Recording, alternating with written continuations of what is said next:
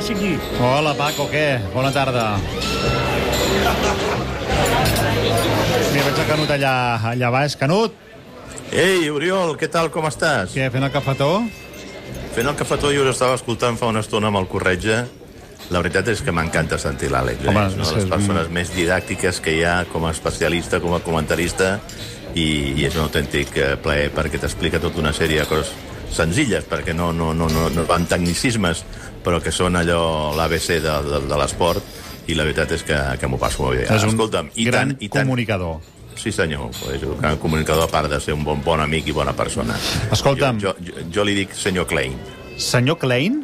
Sí, amb la Martina Klein. Ah, val, val, ara no entenia el per què. Molt bé, Oriol. Sí, sí, sí. Ah, un aplaudiment.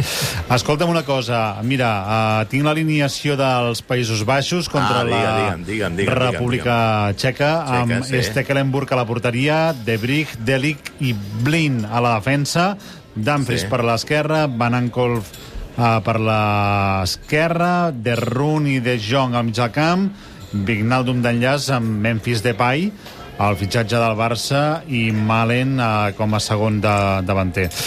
Uh, És a dir, 3-5-2. sí, uh, o 3-4-1-2, depèn de, de Bueno, com. sí, però, Ah, um, però, però sembla que els holandesos han, han enterrat el dogmàtic eh, 4-3-3, ara s'imposa més aquesta... Aquests tres aquest nou centrals, dibuix sí. de, dels tres centrals i tal. Mm, Bé, mm, hi va haver al principi moltes crítiques, no? començant fins i tot pel mateix germà del seleccionador, per Ronald De Boer, que va criticar el seu germà per utilitzar aquest, aquest dibuix, però, però com s'està veient, encaixa molt més a la, al perfil dels jugadors que té en aquest moment Holanda, i, i una Holanda que va començar amb dubtes doncs s'ha confirmat com una de les millors seleccions d'aquesta primera fase amb un triangle de, de, de, de jugadors del, del Barça o que van poder ser del Barça que juguen un paper importantíssim em refereixo a De Jong que per mi està sent el millor migcampista d'aquesta d'aquesta Eurocopa i podria optar a ser un del, dels jugadors més destacats De Jong, Vignaldum i, i Depay no? que són una miqueta el triangle, el triangle màgic d'aquesta selecció de Frank de Boer. Això vol dir que si avui passa la selecció dels Països Baixos contra la República Txeca, en aquest partit que farem aquí al Tot Gira a partir de les 6 de la tarda, eh, aquests jugadors, eh, Vignaldum evidentment no perquè va fitxar pel Paris Saint-Germain, però en el cas de Depay i De Jong es van revaloritzant, eh? sobretot Depay que, que aquí va, eh, acaba d'arribar tot just fa, fa uns dies.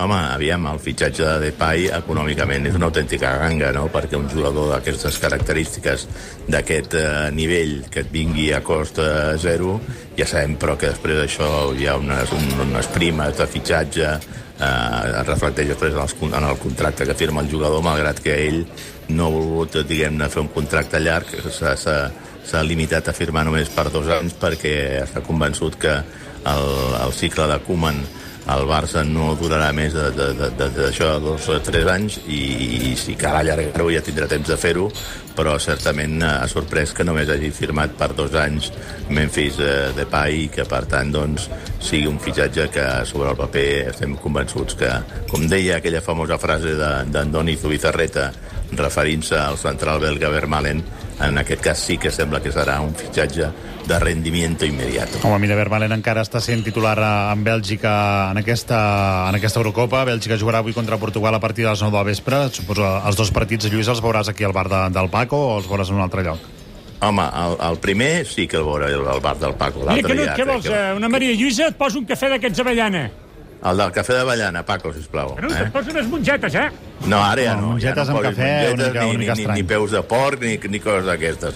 Però vaja, el partit de, de, dels Països Baixos, anava a dir Holanda, dels Països Baixos, no me'l perdé, però també és força interessant aquest Bèlgica-Portugal, perquè són dos outsiders eh, entrant en la disputa pel, pel títol, però, però aquest ja el veuré més tranquil·lament a casa. Bueno, en aquest cas, Bèlgica, que jo crec que és la selecció número 1 a, en el, a la classificació FIFA, però clar, li fa falta fer un salt important a, a, en un torneig, a, en un gran li torneig, falta- no? I, I avui que jo veig Portugal aquí al davant, amb Cristiano, amb Pep, etc i, i em pateixo per Bèlgica. Mm, Home, eh, aviam, a nivell competitiu és indiscutiblement Portugal un equip que sap competir, com va demostrar en l'anterior Eurocopa on va ser campiona, sense fer, sense fer un futbol de grans escarafalls. Això sí que té més condicions per fer-ho.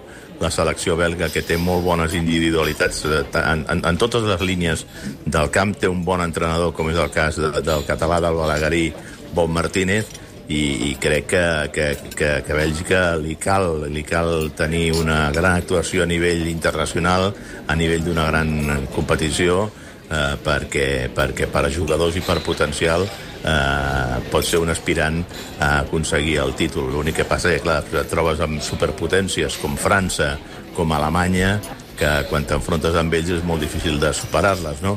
Però, però crec que Bèlgica aquest any, eh, crec que aquesta Eurocopa pot ser l'Eurocopa de Bèlgica i hi té ara una molt bona oportunitat pel, pel, per la munió de jugadors que ha aconseguit reunir Robert Martínez. Has parlat de França, uh, Dembélé, i ara el Barça té un problema amb la baixa de, del jugador francès, perquè en cas que el volgués uh, situar al mercat, uh, amb els 3-4 mesos de baixa que haurà d'estar uh, al davanter, doncs uh, això és un problema afegit. Canut, què diu en Koeman? Bueno, bueno no, no sé si serà un problema o, o, o pot ser l'oportunitat que esperaven els tècnics del Barça, o en aquest cas el, la, la, la directiva del Barça, d'aconseguir que el jugador firmi una renovació del seu contracte que permeti doncs, després intentar vendre'l eh, perquè, perquè si no, a partir de l'1 de, de, de, de gener pròxim Dembélé ja estarà, serà gent lliure per poder negociar amb qui vulgui Sí, home. el, seu, el seu futur. Sí, sí, sí, Paco, sí, eh, és així. Dembélé, que s'ha passat 4 anys eh, pràcticament sempre a l'infermeria, que el Barça ha complert religiosament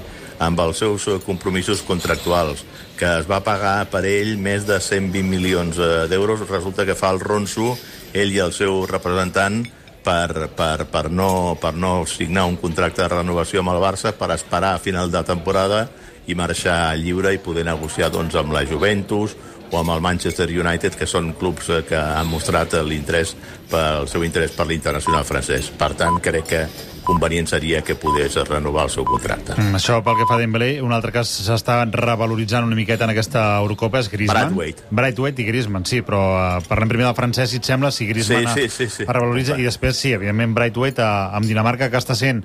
Tenia un peu i mig fora, mm, va ressuscitar uh, a la tercera jornada, ahir va arrasar a Gales uh, amb Braithwaite, que potser també és una bona oportunitat uh, per situar el Barça al jugador de mercat, com avui també hem sabut... Braithwaite?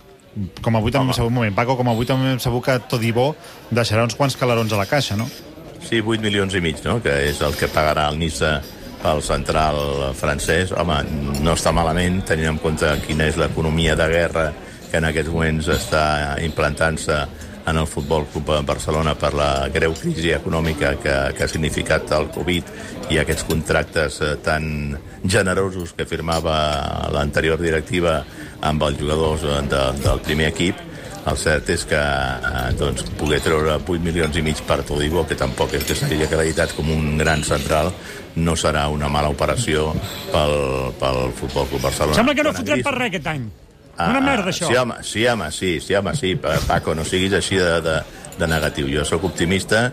De moment s'ha fitxat a quatre jugadors, però sobretot s'ha fitxat a Depay, que és un jugador que aportarà coses a l'atac del Barça. L'únic que passa és, clar, eh, si, si juga Depay, si, si, si hi ha Messi, si es recupera en, en Sufati i, i, i després hi ha jugadors com, com per exemple Trincao que, que busquen també la seva, la seva oportunitat, el seu espai jugant a la banda i tal tornem al problema de sempre amb el cas de Griezmann, no? que, que està fent bones actuacions en França, que és un jugador generós, capaç de sacrificar-se, capaç de ser el futbolista que més eh, quilòmetres corre de l'equip de Deschamps en, en, en, en, en aquesta Eurocopa en la selecció francesa, però, però després no acaba sent el crack que marqui diferències eh, per un futbolista que vas pagar tu el que vas pagar mm, i que per tant doncs, hauria de ser un jugador d'aquests eh, referencials i que per desgràcia no ho ha acabat sent en el seu pas pel, pel Barça fins ara. De Messi se'n sap alguna cosa, a banda que és a l'Argentina, perquè li queden 3 dies eh, perquè s'acabi el seu contracte amb el Barça.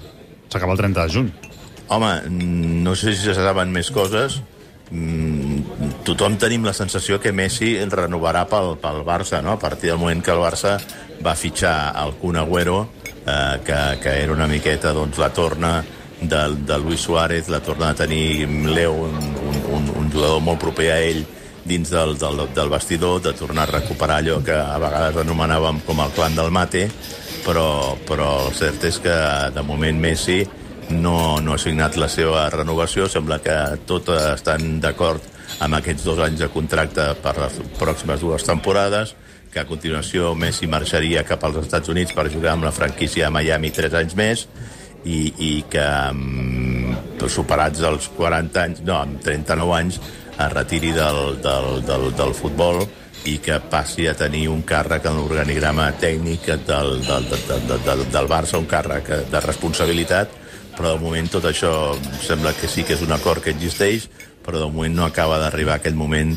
de la, de la signatura. Vaja, jo sóc optimista i estic convençut que no veig a Messi jugant a cap altre, a cap altre lloc perquè, a més a més, tens la sensació que els possibles destins, com podia ser el City o el PSG, s'han retirat absolutament ja de la, de la intenció d'entrar en la disputa per la seva renovació, pel, pel seu fitxatge, i que, per tant, doncs, Messi té coll avall que continuarà com a mínim aquestes dues pròximes temporades vestint de blaugrana. Doncs veurem, que, que, veurem què passa. Uh, Lluís, uh, deixem aquí que van de fer el cafè, jo vaig cap a, cap a la redacció. Mira quin caldo que tinc, Canut! I, i després, uh, a partir de les 6, posa't la, la ràdio, que te podràs escoltar... Posa't bé la mascareta! La samarreta, la samarreta orange. Aquest, sí, aquest Països Baixos, República Txeca, amb, amb els personatges dels Minuts Escombraria, i l'Escobar, i Vilalta, Maiola, i tots aquí a... No, no, ja els vaig escoltar ahir, eh? És un bon, és un bon còctel, eh? Un, un còctel molotov, gairebé. sí, sí, Lluís, gràcies, una abraçada. Cuida't molt bé, Oriol, que vagi Apa, molt bé. Adéu, Canut! Adéu, Paco, va. Adéu, Paco, adéu, adéu.